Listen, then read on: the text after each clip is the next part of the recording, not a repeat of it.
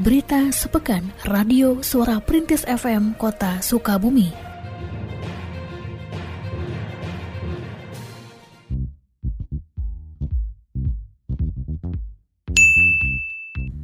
Pemerintah Kota Sukabumi meminta para pedagang kaki lima PKL di Jalan Perniagaan, Stasiun Timur, Stasiun Barat dan Kanopi A, Jalan Pasar, Jalan Pasar Wetan, Gang Arab, dan Jalan Kapten Harun Kabir untuk tidak berjualan atau menyimpan barang dagangan di atas trotoar dan badan jalan serta membongkar lapak dagangannya.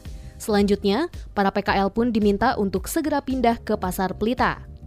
Kepala Bidang Penegakan Perda Dinas Satpol PP dan Damkar Kota Sukabumi, Heri Sihombing, saat ditemui di kantornya pada Senin 31 Januari 2022, mengatakan sejauh ini para pedagang telah diberikan surat peringatan pertama agar mempersiapkan diri untuk direlokasi ke Pasar Pelita. Adapun tenggat waktu yang diberikan kepada para pedagang adalah sampai dengan 12 Februari mendatang. Dijelaskannya, Para pedagang sejauh ini sangat kooperatif menyikapi kebijakan dari pemerintah kota Sukabumi dan dalam upaya relokasi ini, pihak pemerintah kota Sukabumi mendapat dukungan pula dari kepolisian serta TNI dan mengedepankan sikap persuasif. Tanggal 30 hari Minggu kemarin kami sudah melayangkan SP1 surat peringatan uh, pertama kepada para pedagang di tujuh striking jalan plus kanopi A dan uh, kegiatan ini alhamdulillah juga kami memperoleh apa namanya backup dari anggota kepolisian maupun dari Kodim. Mereka juga ikut bersama-sama kita. Pada intinya uh, kita mengingatkan para pedagang agar mempersiapkan diri supaya bisa uh, melakukan relokasi mereka ke Pasar Pelita selamat-lambatnya tanggal 12 Februari 2022. Alhamdulillah reaksi pedagang uh, kooperatif sekali, tidak menunjukkan hal-hal yang tidak kita inginkan. Dinas Perhubungan di Subkota Sukabumi melakukan rekayasa arus lalu lintas di sekitar ruas jalan RE Marta Dinata dan Zainal Zakse. Kepala di Subkota Sukabumi, Abdul Rahman, saat ditemui di kantornya pada hari Senin 31 Januari 2022, menjelaskan beberapa pertimbangan rekayasa tersebut adalah telah dilaksanakannya pembelajaran tatap muka PTM yang menyebabkan naiknya volume arus lalu lintas dan penerapan sistem satu arah di Jalan Ahmad Yani. Kepala di Subkota Sukabumi mengatakan, saat ini Jalan Zainal Zakse tidak bisa diakses dari Jalan RE Marta Dinata, hanya dapat diakses dari Jalan Ahmad Yani. Kendaraan yang berada di ruas Jalan RE Marta Dinata dan hendak ke Jalan Ahmad Yani bisa mengambil ruas Jalan Cikirai. Rekayasa ini berlaku untuk semua jenis kendaraan dan angkutan umum. Yang terdampak rekayasa adalah trayek angkutan umum nomor 01, 02, 04, 05, 08, dan 27. Dijelaskan lebih lanjut, rekayasa ini masih dalam tahap uji coba karena pihaknya bersama Polres Sukabumi Kota terus melakukan evaluasi. Rencananya pada 10 Februari mendatang akan digelar diskusi yang melibatkan semua pemangku kepentingan untuk menentukan apakah rekayasa ini bisa dilanjutkan atau dilakukan perubahan kembali. Uh, perubahan uh, sistem lalu lintas dari dua dua, uh, dua arah menjadi satu arah khususnya di segmen satu uh, segmen tiga. Ya setelah adanya pekerjaan pedestrian. Supaya uh, tidak ada kan di dengan adanya uh, pekerjaan uh, jalan terjadi ada penyempitan jalan uh, pengurangan kapasitas sehingga kita perlu evaluasi. Dan evaluasi evaluasi kita supaya itu tetap kapasitas jalan bisa dipertahankan kita harus merubah sistem dari dua arah menjadi satu arah kita segera uh, melakukan evaluasi di lapangan dengan Satlantas. Akhirnya kita juga uh, berikan sentuhan di uh, jalan Martadinata tersebut dengan menutup uh, kendaraan yang bermanuver ke Martadinata ataupun yang melintas ke uh, Jenderal Jakse. Dan kita arahkan ke Jalan Cikira yang melintas. Badan Perencanaan Pembangunan Daerah Bapeda Kota Sukabumi menggelar kegiatan penyusunan awal rencana kerja pemerintah daerah Kota Sukabumi RKPD tahun 2023 pada hari Rabu 2 Februari 2022 bertempat di Hotel Horizon Kota Sukabumi. Sekretaris Bapeda Kota Sukabumi, Galih Marelia mengatakan bahwa tujuan kegiatan ini adalah untuk menampung masukan dan saran para pemangku kepentingan terkait isu aktual dan strategis dalam perencanaan pembangunan. Kegiatan ini bertujuan pula untuk menyamakan persepsi tentang tema pembangunan dan prioritas pembangunan Kota Sukabumi tahun 2023. Dalam sambutannya, saat membuka kegiatan, Wakil Wali Kota mengatakan bahwa RKPD ini harus mampu menciptakan masyarakat sejahtera di berbagai sektor seperti ekonomi, sosial, serta meningkatkan pelayanan kepada masyarakat. Nah, endingnya kita di 2003 ini dari penjabaran visi misi menciptakan masyarakat yang religi nyaman sejahtera. Nah, bagaimana kita menciptakan masyarakat sejahtera? Nah, kita juga lagi godong nih RKP 23 itu apakah uh, masyarakatnya dapat uh, pasif income uh, yang mungkin kita cenderung menciptakan masyarakat yang pasif income dengan kooperasi.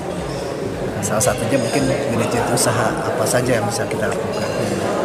Ya, karena kan kita sampai September 2023. Hmm. Endingnya apa? Hmm. Endingnya masyarakat sejahtera. Dinas Perhubungan bersama Polres Sukabumi Kota menggelar operasi penertiban kendaraan odol, overdimension dan overload di Jalan Lingkar Selatan pada 31 Januari dan 2 Februari 2022.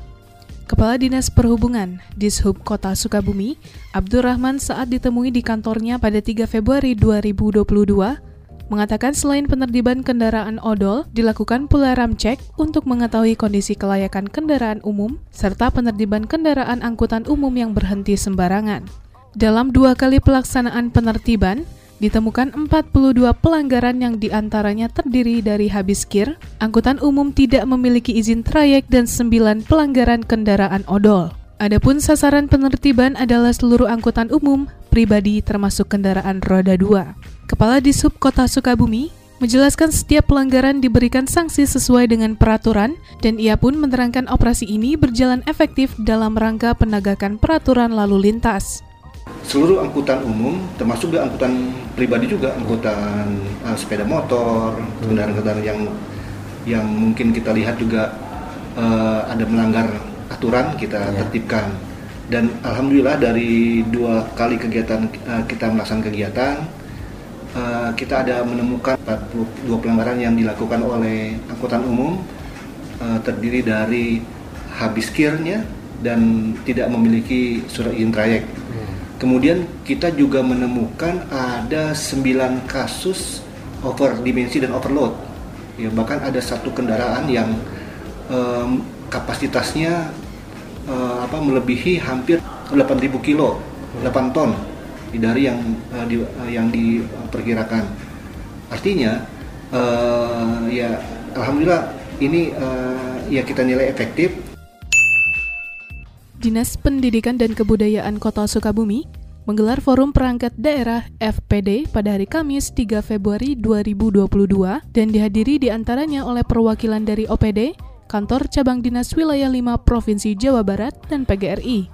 Sekretaris Dinas Pendidikan dan Kebudayaan Kota Sukabumi, Nina Herlina, dalam laporannya mengatakan maksud dan tujuan diadakannya FPD adalah untuk menyelaraskan program perangkat daerah dengan hasil musrenbang, mempertajam indikator serta target kinerja perangkat daerah sesuai dengan tugas dan fungsi perangkat daerah, kemudian menyelaraskan program dan kegiatan perangkat daerah dalam rangka optimalisasi pencapaian sasaran sesuai dengan sinergitas pelaksanaan pembangunan daerah.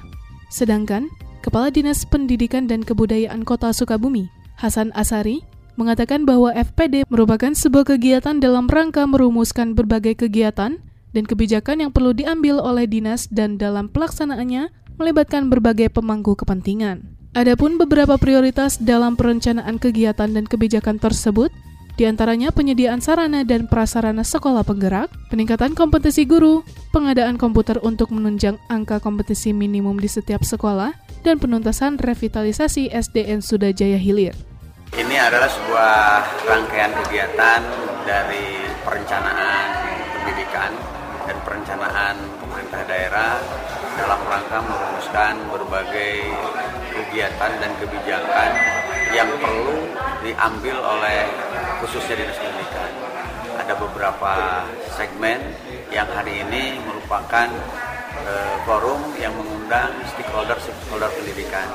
Prioritas utama adalah peningkatan sumber daya manusia, penuntasan uh, akses stabilitas, dan peningkatan uh, manajemen kelembagaan sekolah. Itu yang menjadi. Pak harapan Bapak terkait FBD ini gimana ke depannya? Mudah-mudahan satu PTM 100% bisa berlangsung sudah dirindukan oleh masyarakat sehingga proses peningkatan mutu pendidikan bisa lebih intensif. Mencegah penyebaran demam berdarah dengue DBD di Kecamatan Gunung Puyuh, Unsur Forkopimcam Forum Komunikasi Pimpinan Kecamatan bersama warga melaksanakan kegiatan senyum gubernur, sehat, nyaman untuk masyarakat Gunung Puyuh nyamuk kabur. Kegiatan ini dilaksanakan pada hari Jumat 4 Februari 2022. Camat Gunung Puyuh, Aris Ariandi, menjelaskan bahwa kegiatan ini dilaksanakan karena beberapa kasus DBD telah terjadi di wilayahnya. Sehingga kegiatan ini diisi dengan aksi pemberantasan sarang nyamuk, PSN, yaitu membersihkan genangan air dan kerja bakti, edukasi PHBS serta diisi pula dengan kegiatan donor darah dan pemeriksaan kesehatan bagi lansia. Dijelaskannya, Pihak kecamatan telah melakukan fogging di lokasi terjadinya kasus DBD untuk mencegah munculnya kasus baru. Selain itu, kegiatan senyum gubernur akan dilakukan di seluruh kelurahan di Kecamatan Gunung Puyuh untuk meningkatkan kewaspadaan masyarakat terhadap DBD. Berdasarkan data Dinas Kesehatan, kasus DBD yang terjadi sejak awal Januari 2022 telah tercatat sebanyak 9 kasus, sedangkan pada tahun 2021 terjadi sebanyak 23 kasus DBD. Oleh karena itu, Dinas Kesehatan terus melakukan edukasi kepada masyarakat untuk mencegah naiknya jumlah kasus DBD. Eh, Alhamdulillah hari ini kita melaksanakan kegiatan uh, kerja bakti. Kemudian kerja bakti ini dalam rangka PSN ya, karena ada beberapa kasus di wilayah di Kelurahan Tarang Tengah ini yang terjangkit uh, DBD. Kegiatan ini kita coba kolaborasi dengan PKM Cipelang dan PKM Karangtengah dengan tokoh masyarakat, dengan para kader untuk melaksanakan kegiatan PSN dan penilaian jentik, pelihatan jentik di warga. Kegiatan ini alhamdulillah selain kita melaksanakan uh, kita juga melaksanakan kegiatan sosial seperti uh, kegiatan donor darah dan pemeriksaan kesehatan bagi warga yang ada di sekitar sini. Kepala Kejaksaan Tinggi Jawa Barat, Asep Nana Mulyana meresmikan klinik kesehatan Adiaksa Kejaksaan Negeri Kota Sukabumi pada hari Jumat 4 Februari 2022. Hadir pada kesempatan tersebut, di antaranya Kepala Kejaksaan Negeri Kota Sukabumi, Taufan Zakaria, Wali Kota Sukabumi Ahmad Fahmi, dan Wakil Wali Kota Andri Setiawan Hamami. Dalam sambutannya Kepala Kejaksaan Negeri Kota Sukabumi, mengatakan bahwa klinik ini merupakan bentuk dedikasi Kejaksaan Negeri dalam memberikan pelayanan kepada masyarakat. Selain itu, klinik kesehatan ini pula ikut dalam penanggulangan COVID-19 dengan menyediakan layanan tes PCR.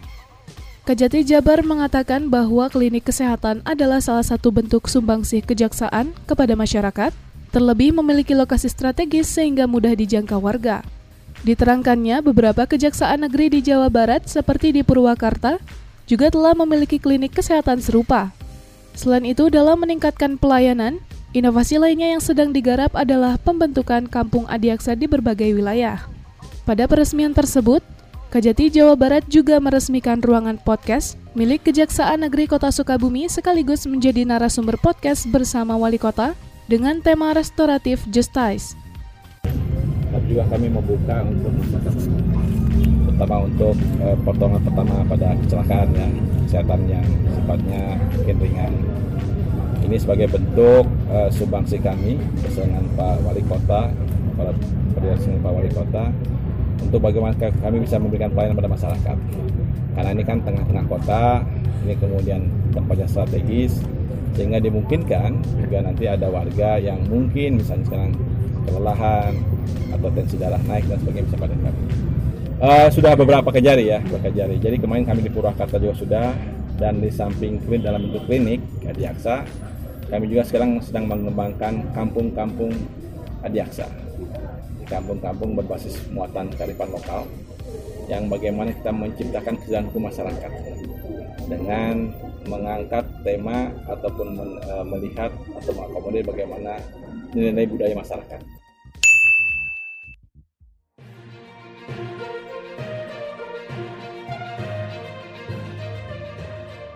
Berita sepekan Radio Suara Printis FM Kota Sukabumi.